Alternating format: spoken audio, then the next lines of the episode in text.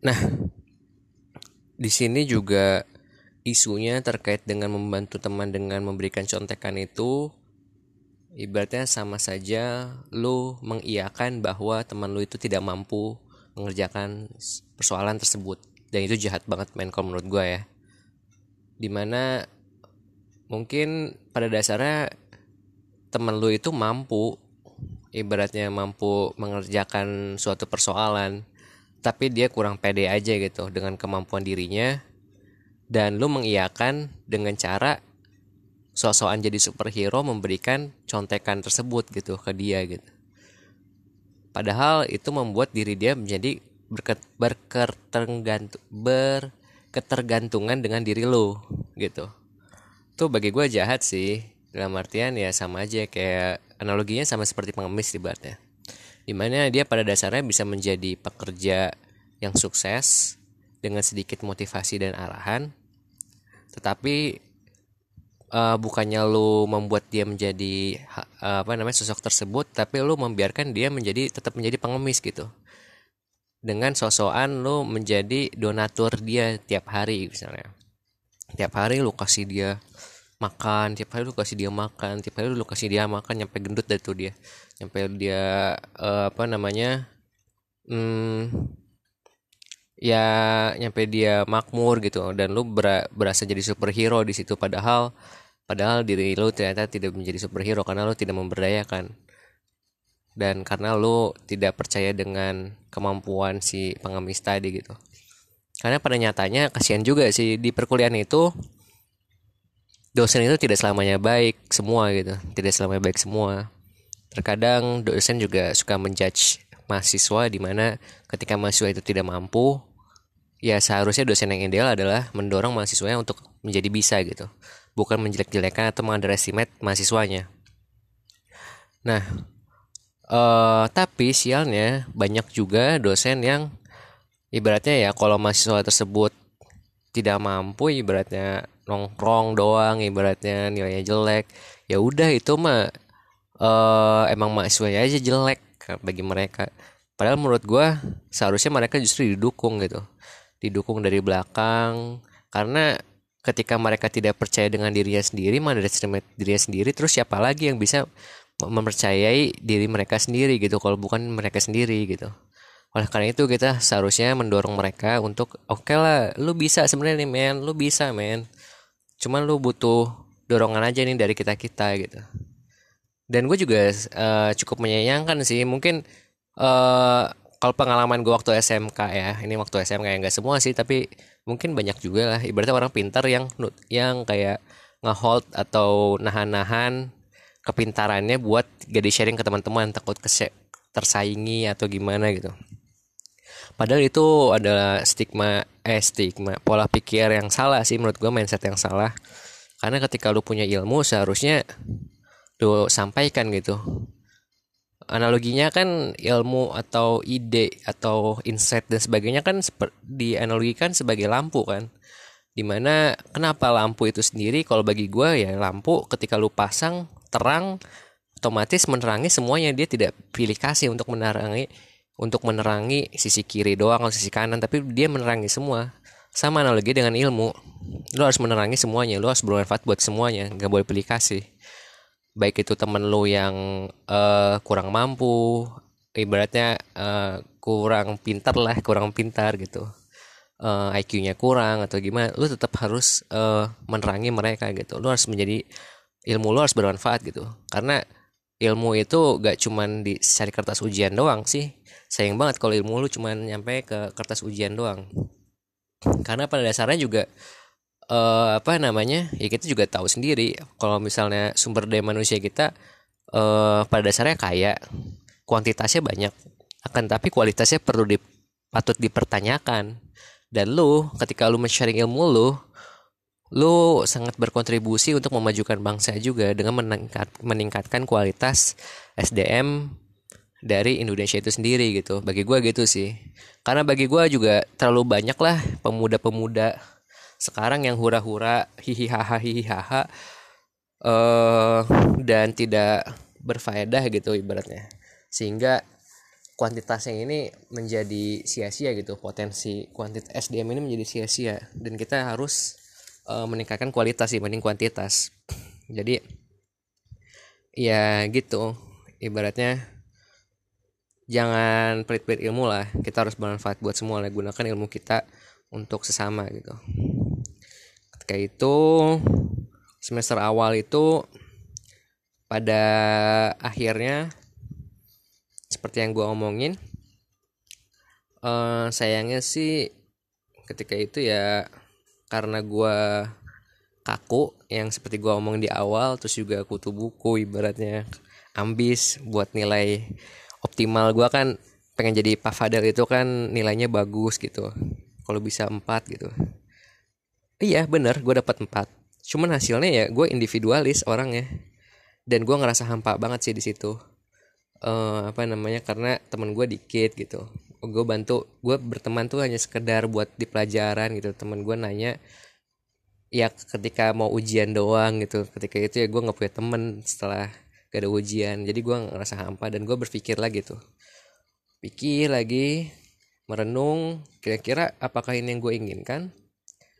Hingga suatu titik dosen gue juga dosen pembimbing akademik gue juga mengemukakan suatu saran yang bagi gue unik di mana beliau menyarankan gue untuk kamu tingkatin ini ya keterampilan sosial kamu turunin IP kamu.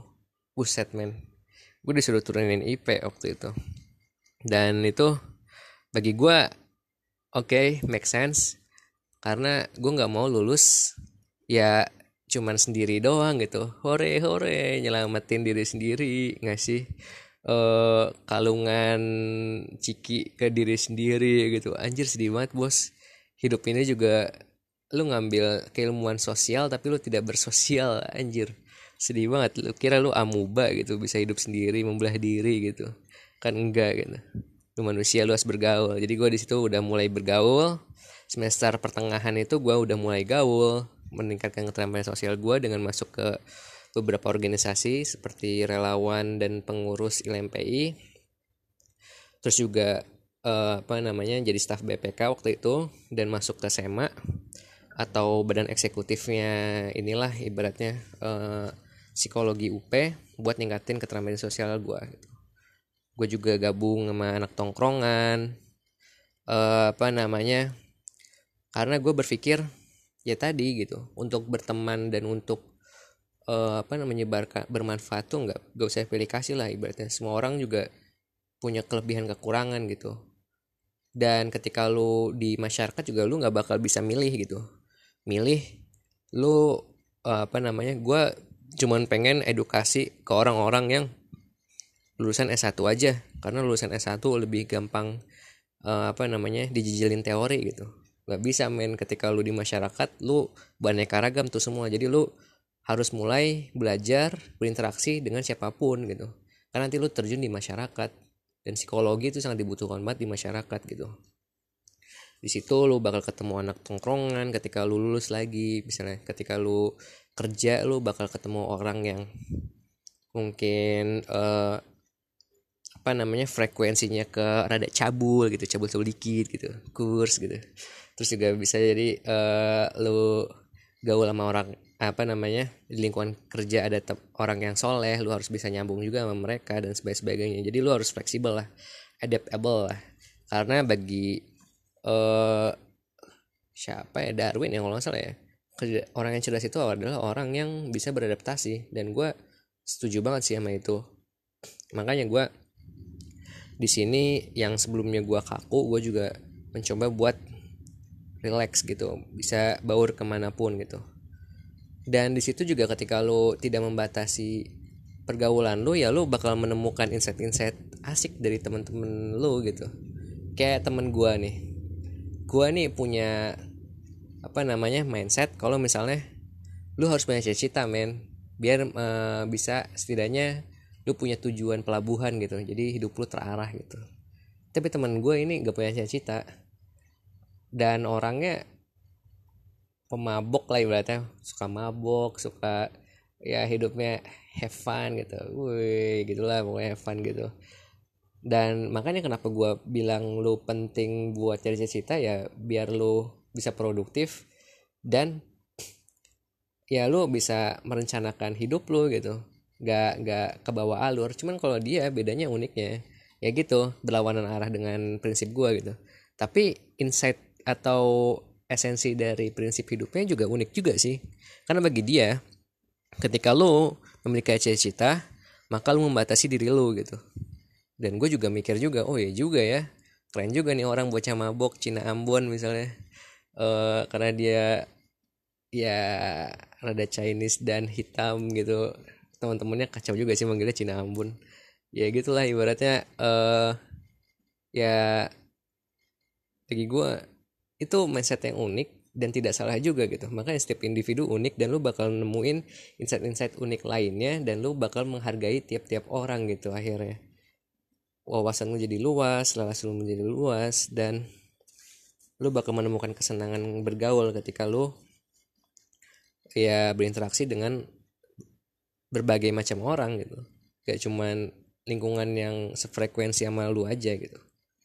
Cuman memang lu gaul sama siapa aja, lu gaul sama orang yang mabok, lu gaul sama orang yang yang ya maksiat atau gimana, tapi tetap dekat sama orang yang sefrekuensi dengan lo kalau gue sih sama orang yang soleh juga sih.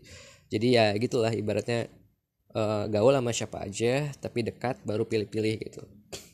Itu uh, prinsip pertemanan gue dan alhamdulillah ketika itu gue dapat teman dan senang gitu. Dan semester 5 6 tuh kemudian gue merasa hidup hidup gue tuh mulai jenuh. Hidup gue mulai jenuh eh hidup gue lagi uh, apa namanya hidup perkuliahan gue mulai jenuh ibaratnya mulai bosen lah boring banget gue ini dan akhirnya gue mencoba buat lebih explore lagi karena bagi gue kunci utama kenapa gue bisa kayak gini adalah gue pengen mengeksplor bener-bener pengen mengeksplor karena perkuliahan itu adalah tempat lu masih muda energi lu masih banyak uh, uang lu masih disubsidi oleh orang tua misalnya bagi beber, uh, apa namanya dan itu harus dimanfaatkan dengan mengeksplor gitu. Mencari pengalaman sebanyak banyaknya mumpung belum kerja lu banyakin salah juga nggak apa-apa ibaratnya. Dan saat itu gue karena gue bosan untuk berada menjadi staff-staff terus dan bosan untuk mengurusi internal fakultas mulu akhirnya gue explore ke badan pengawas Universitas Pancasila itu karena gue pengen punya teman anak teknik. Gue pengen pengen lihat dong perspektif orang teknik terhadap suatu permasalahan manusia itu seperti apa gitu. Apakah dia memandang manusia itu sebagai objek tataran yang harus dipelonco doang atau atau gimana gitu dengan dengan babang gondrong yang harus nonjok biar lu jadi patuh atau emang gimana gitu. Jadi di situ banyak banyak perspektif gitu. Baik perspektif dari baik itu dari pandangan manusia dari sisi anak hukum dari anak komunikasi teknik dan sebagainya dan psikologi juga. Kita di situ jadi belajar kalau menghadapi suatu hal kita bisa berkolaboratif untuk menyelesaikan case tersebut gitu hal tersebut gitu. Dan gue juga gak mau jadi staff mulu gitu. Makanya gue nyoba jadi koor ILMPI waktu itu koordinator keilmuan kebetulan di ILMPI karena gue pengen coba jadi leader.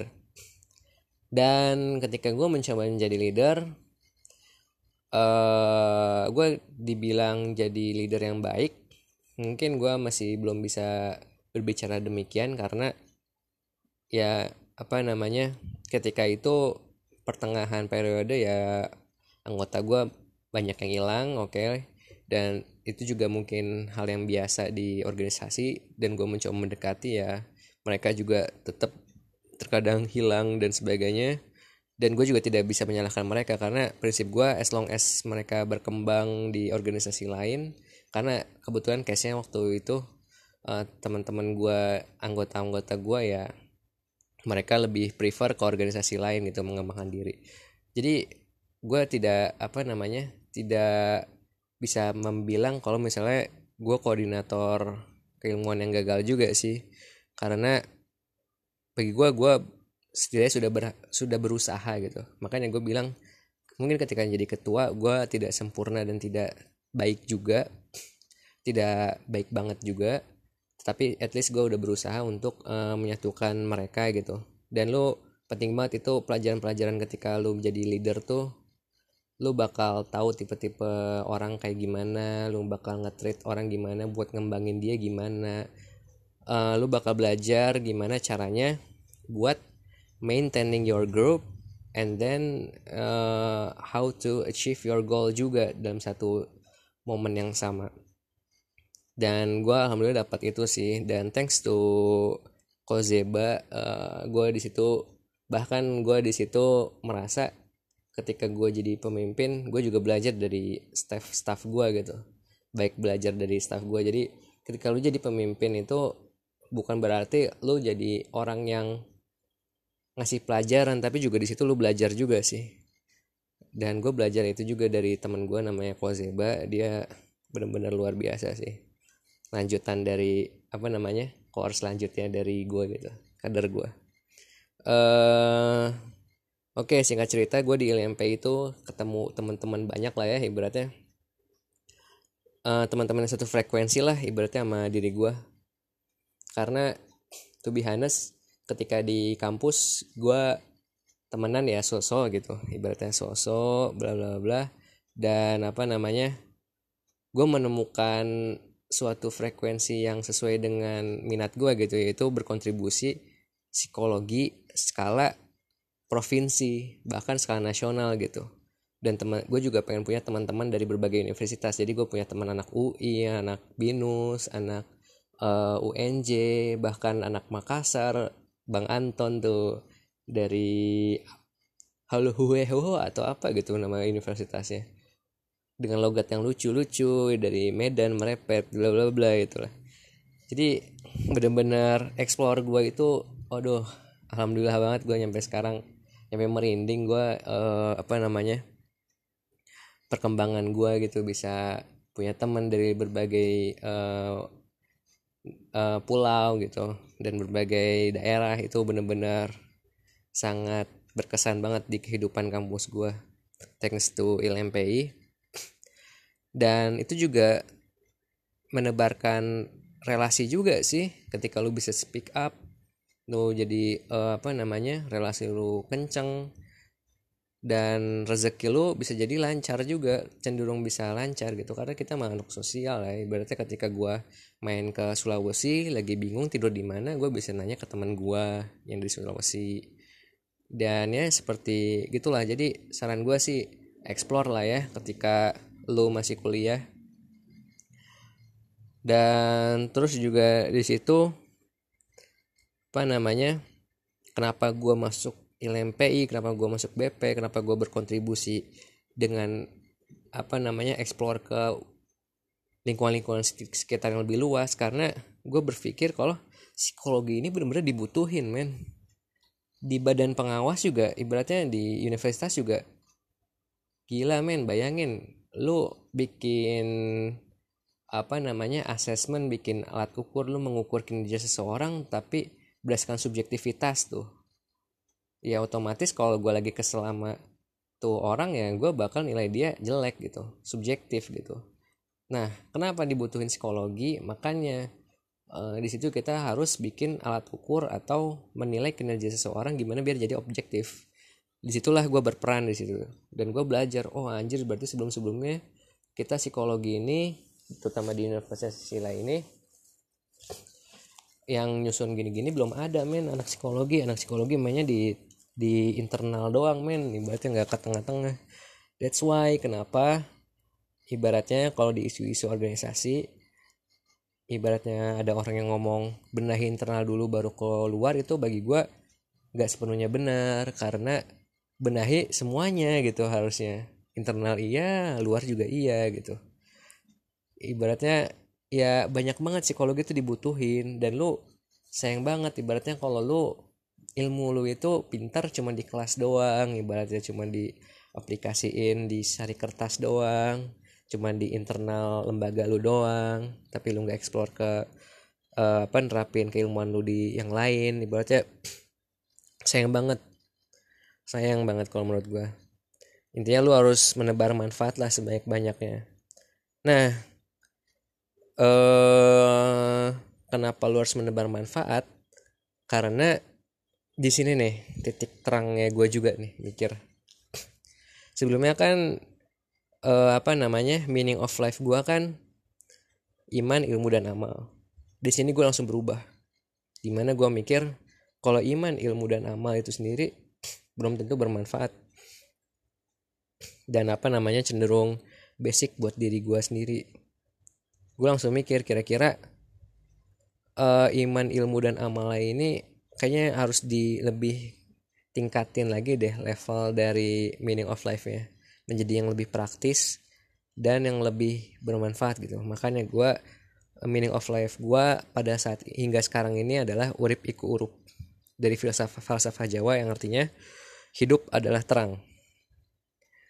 Hidup adalah menerangi menyala atau menerangi atau berguna lah gampangnya kenapa gue ngambil ini?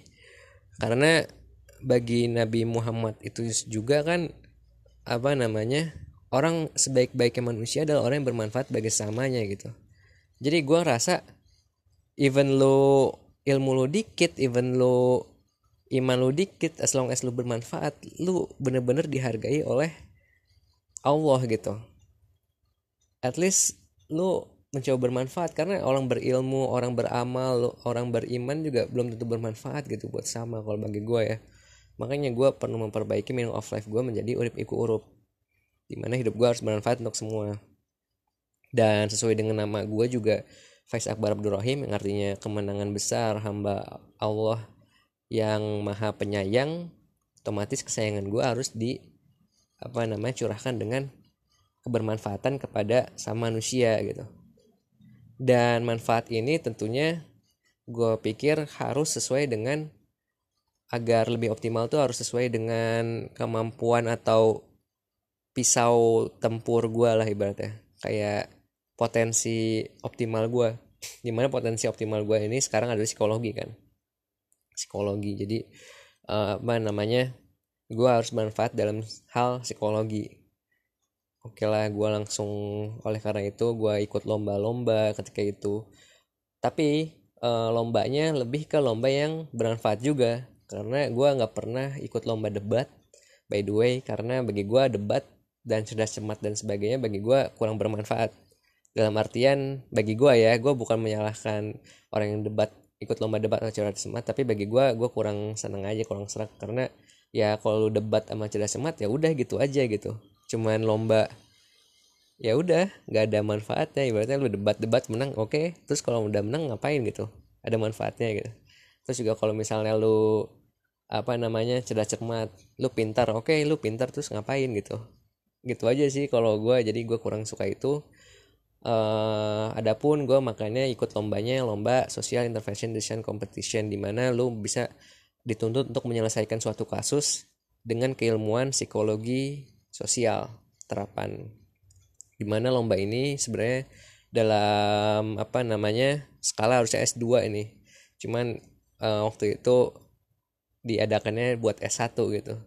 Dan asik juga karena kita itu disur, dituntut untuk ibaratnya psikologi itu gak cuman perihal lu jadi psikolog lu nanganin orang gila lu narang jadi HRD lu bikin alat ukur lu ngetes orang nggak cuman gitu. Tapi permasalahan manusia terutama kesejahteraan sosial kesejahteraan masyarakat psikologi juga berperan. Ibaratnya gampangnya kayak ketika lu apa namanya macet itu kan perilaku juga tuh perilaku manusia.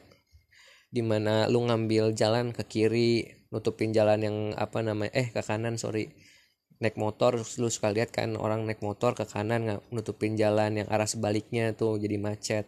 Nah gimana caranya agar alurnya itu mereka nggak ke kanan gitu nggak nutupin jalan yang arah sebaliknya tertib sehingga lalu lintas lancar. Itu juga psikologi gitu.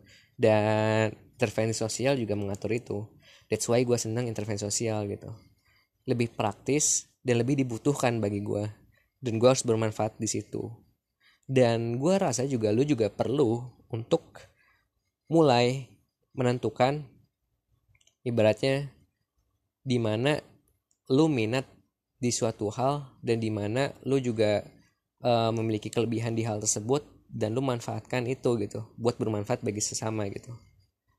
At least juga uh, mungkin uh, gue juga tahu sih mungkin bagi beberapa orang yang kurang beruntung lu sekarang jadi uh, ngerasa salah jurusan bagi teman-teman yang salah jurusan gue hanya bisa ngomong pilihan lo ada dua sih. Kalau misalnya lo bisa cabut uh, ke ke bidang yang lu sukain mending cabut kalau lu ekonominya bisa. Karena lu sayang juga potensi lu uh, malah ke arah yang gak benar padahal lu bisa ibaratnya lu bisa jadi musisi hebat tapi lu malah memilih menjadi uh, psikolog psikolog yang biasa aja gitu. Bagi gue lu bisa jadi Michael Jackson nih gampangnya. Yang sehebat Michael Jackson. Tapi lu milih untuk menjadi orang yang kerja di apa jadi ngetes-ngetes orang yang biasa doang gitu. Kan sayang kalau bagi gue jadi mendingan lu cabut um, buat ngejar passion lo gitu. Passion lo menjadi orang luar biasa dan sebagainya. Tapi bagi orang yang tidak ber memungkinkan seperti itu tidak semudah itu. Bagi gue lo bisa mencari jalan tengahnya dengan cara melihat irisannya gitu. Irisan dari minat lo dan keilmuan lo yang lo ambil saat ini. Contohnya kayak gue jujur gue dari dulu tuh pengen ngambil kesejahteraan sosial. Tapi gue gagal. Akhirnya gue masuk psikologi. Nah sebagai toleransi gue gue nyari pertengahan irisan antara kesejahteraan sosial dan psikologi. Ketemulah intervensi sosial nah oleh karena itu gue pengen optimal di uh, apa namanya bidang tersebut intervensi sosial. Itu itu lu penting juga sih ibaratnya udah mulai mengkerucutkan dari minat lu dari minat lu yang secara umum ke minat lu yang secara khusus. Dan nanti nanti uh, ketika lu punya minat lu yang secara khusus lu bakal fokusin ke situ. Karena kalau fokus lu terlalu banyak kalau menurut gue ya pribadi ya ibaratnya kayak lu kita kita sadar nih kita punya waktu 24 jam semua orang sama mau Obama mau apa pun itu semuanya sama. Nah ketika lu dibagi-bagi gitu ya lu bakal jadi orang biasa di uh, apa namanya uh, keilmuan-keilmuan tersebut gitu.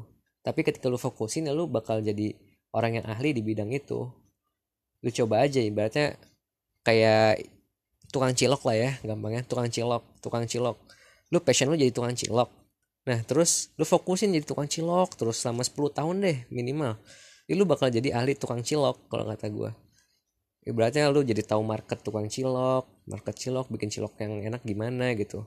Lu bakal ahli. 10 tahun aja lu konsisten di bidang yang lu senengin yang lu passionin insya Allah lu bakal dapat jalannya ya jadi ahli di bidang tersebut gitu daripada lu jadi nyoba cilok nyoba baso nyoba somai dalam 10 tahun dan bla bla bla akhirnya jadi nggak jelas. Lu cuman bolak-balik bla bla bla bla jadi nggak inilah ibaratnya.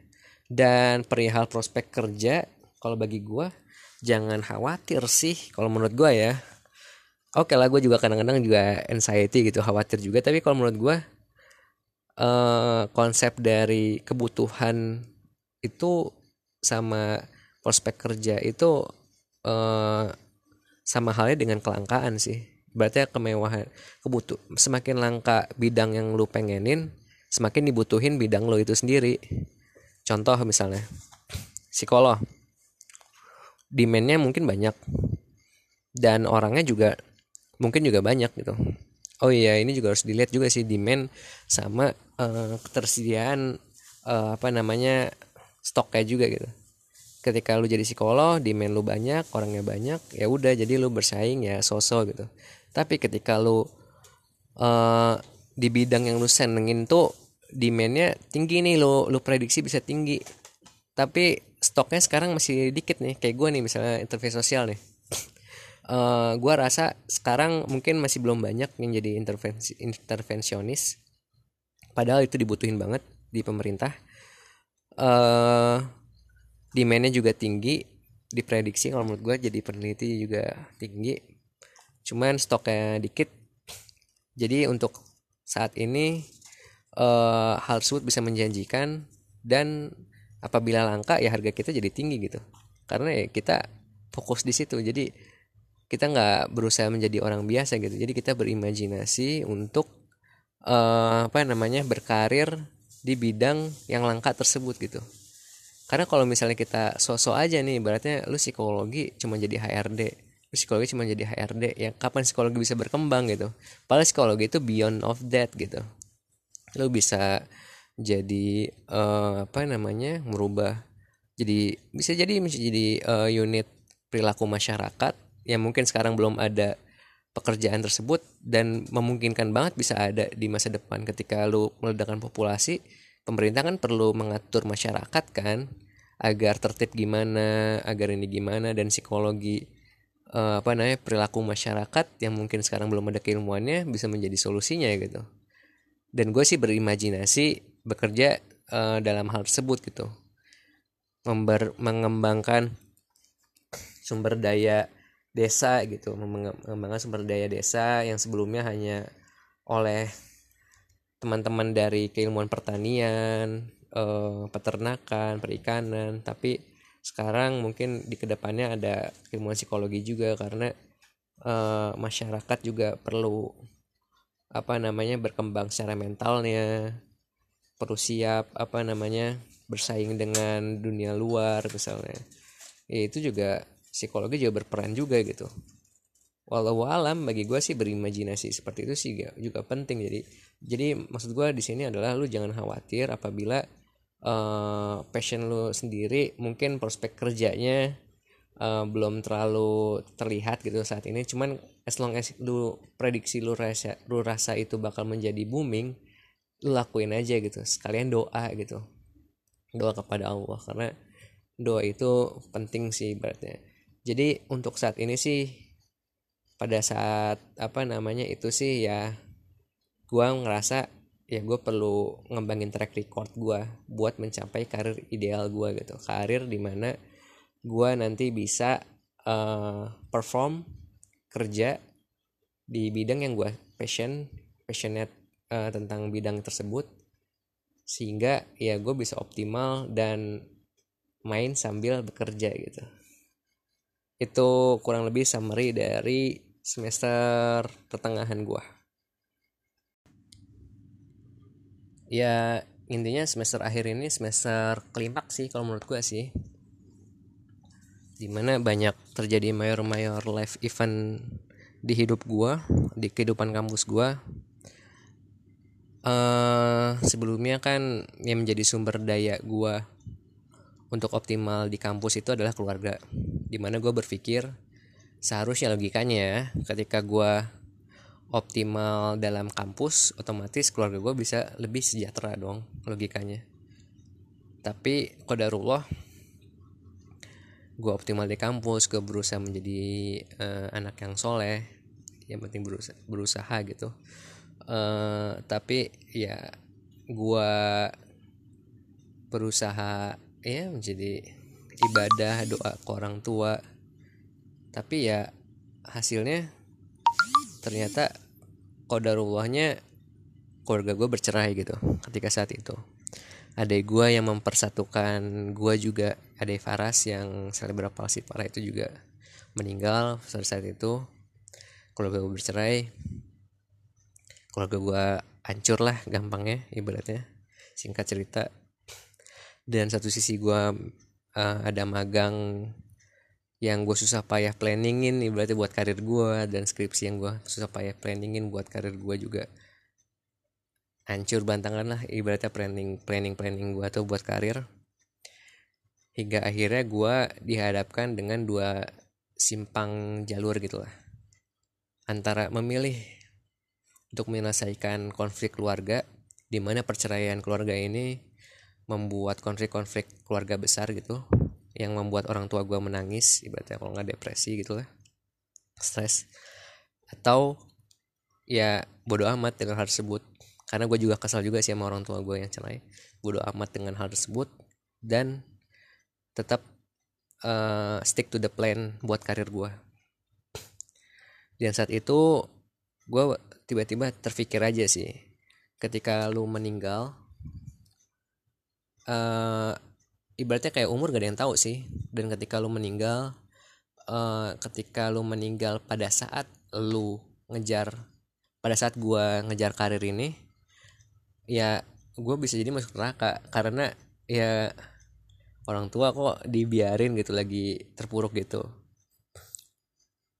Terus kalaupun gue apa namanya gak meninggal dan gue berpikir orang tua gue yang meninggal pada saat itu karena aja nggak ada yang tahu ya.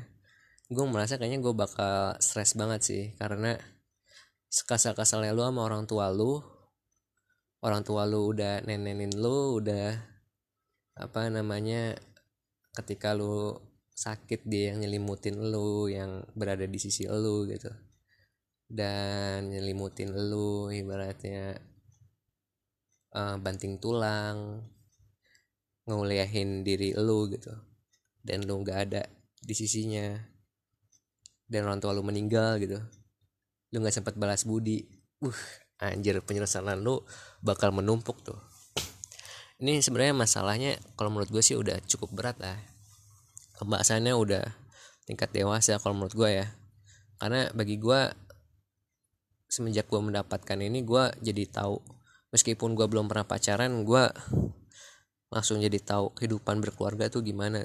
Karena banyak uh, apa namanya banyak ilmu lah ibaratnya. Mulai dari keluarga gue sampai dengan saudara-saudara gue jadi curhat ke gue gitu emak-emak tentang program rumah tangganya dan sebagainya gitu lah ya.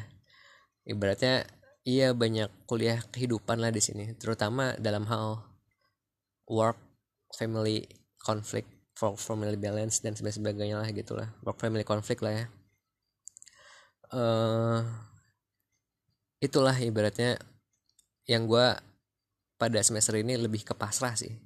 Gue 180 derajat ber, berubah di semester ini di mana sebelumnya gue adalah orang yang logis logis dan tidak terlalu religius lebih menuhankan ikhtiar dibandingkan menuhankan Tuhan dengan percaya dengan kekuatannya menjadi orang yang lebih percaya invisible hand dibanding ikhtiar. Ya seperti yang gue bilang mungkin gue ini ya kayak apa ya waktu itu gue pernah kan uh, ikut khotbah Jumat sama Ustadz Yusuf Mansur kan yang yaitu invisible hand di mana uh, Ustadz Yusuf Mansur bilang kalau misalnya manusia saat ini banyak yang menuhankan ikhtiar dibanding menuhankan Tuhan gitu. Padahal sayang banget kalau kita nggak menggunakan uh, apa namanya kekuatan dari Tuhan ini gitu, diabaikan sama kita. Kita hanya menggunakan kekuatan dari diri kita gitu. Padahal kalau di combine tuh bisa powerful banget gitu. Bagi gue make sense sih, bagi gue ya make sense. Dan terbukti gitu di gue sekarang. Gue juga nyampe gemeteran nih uh, ngomongnya di mana ya seperti ya lu lihat di story gue sebelumnya gue bingung nih. Misalnya gue bingung uh, apa namanya magang gue gimana eh magang lagi mengisi waktu luang gue gimana nih abis lulus nih. Gue bingung kan gue cuma ngomong minta doanya ke orang tua gue dan alhamdulillah tiba-tiba gue baru aja gue baru gak ada hitungan 5 menit lah. Gak ada hitungan menit malah. Langsung ada message masuk ke gue diundang loh bukannya gue nge-apply tapi gue di invite gitu dicari bukannya gue yang nyari tapi di dicari uh, diundang buat ya at least walaupun bukan bekerja gitu cuman mengisi waktu luang tapi tetap aja gitu di bidang yang gue senengin gitu. Jadi researcher di youth lab lagi uh, biro uh, apa namanya peneliti tentang kepemudaan Indonesia di dosen yang gue favoritin bener-bener role model gue ini uh, apa namanya di ibaratnya anjir men Mas Faisal. Namanya Mas Faisal Dokter Muhammad Faisal ini adalah role model diri gue di mana gue pengen berkarir tuh seperti beliau gitu sebenarnya. Yang mendasarin gue juga cita-cita gue tuh pengen jadi kayak beliau gitu ibaratnya.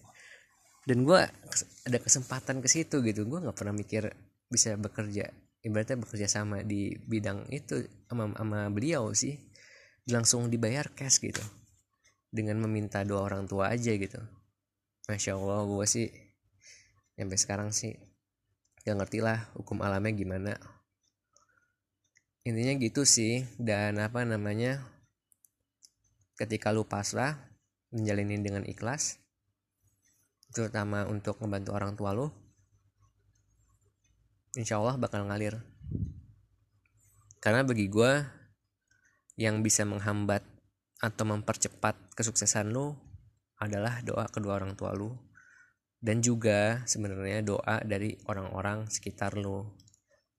Ketika lu punya masalah misalnya masalah suatu masalah konflik dengan seseorang atau lupa pernah membuat menyakiti hati seseorang itu bisa sedikit banyak mempengaruhi kesuksesan lu sih.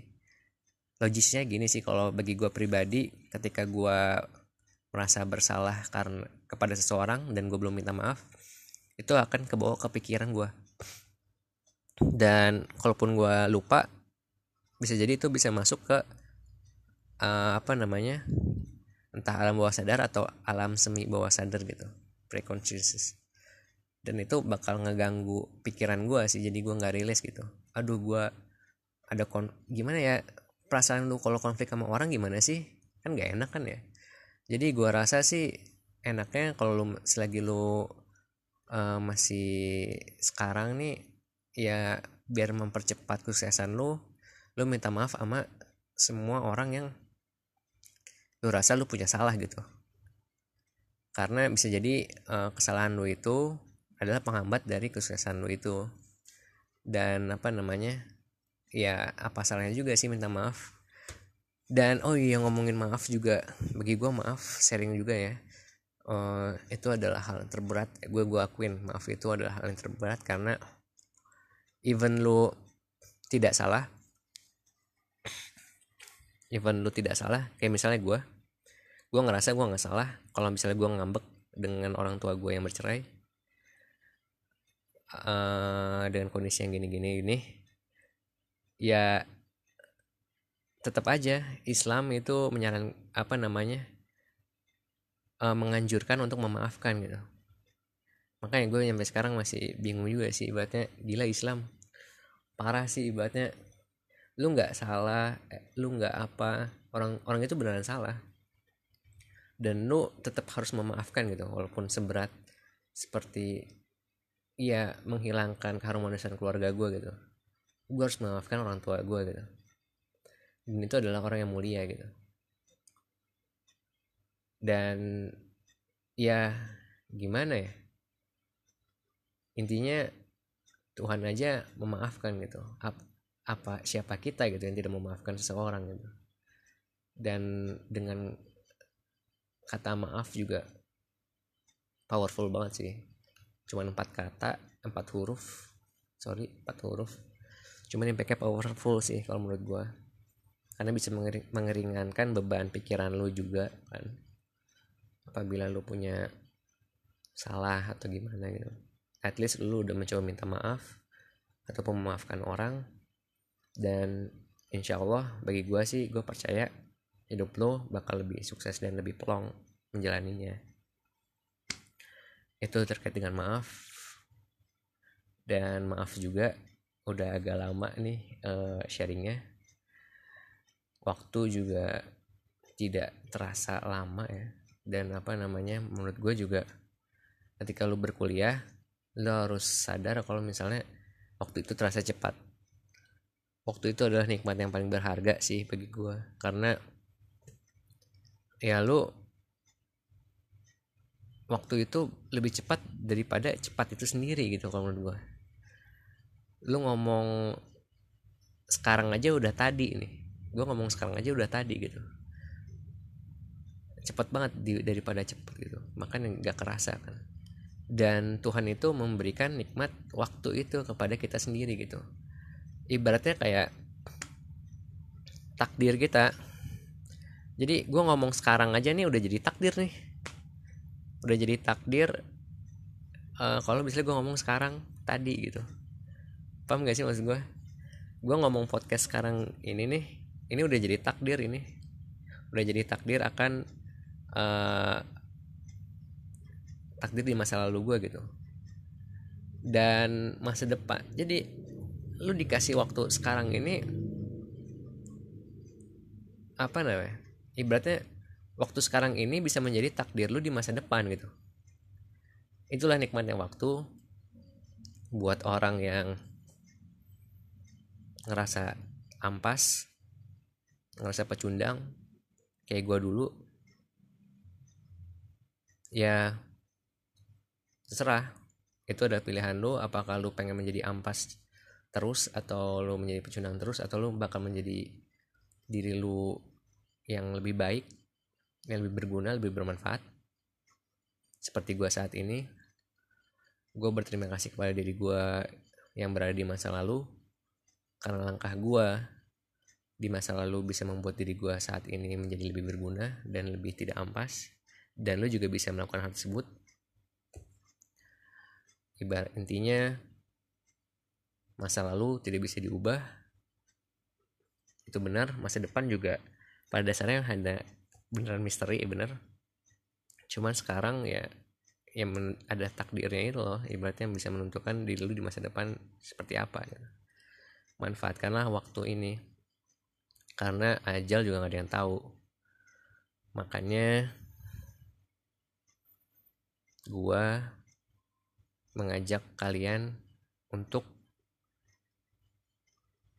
hidup dengan urip iku urup kembali lagi ke meaning of life yaitu hidup untuk bermanfaat.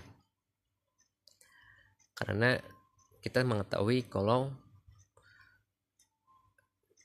ada amal yang tidak terputus ketika kita meninggal yaitu doa anak yang soleh amal jariah dan uh, satu lagi itu ilmu yang bermanfaat.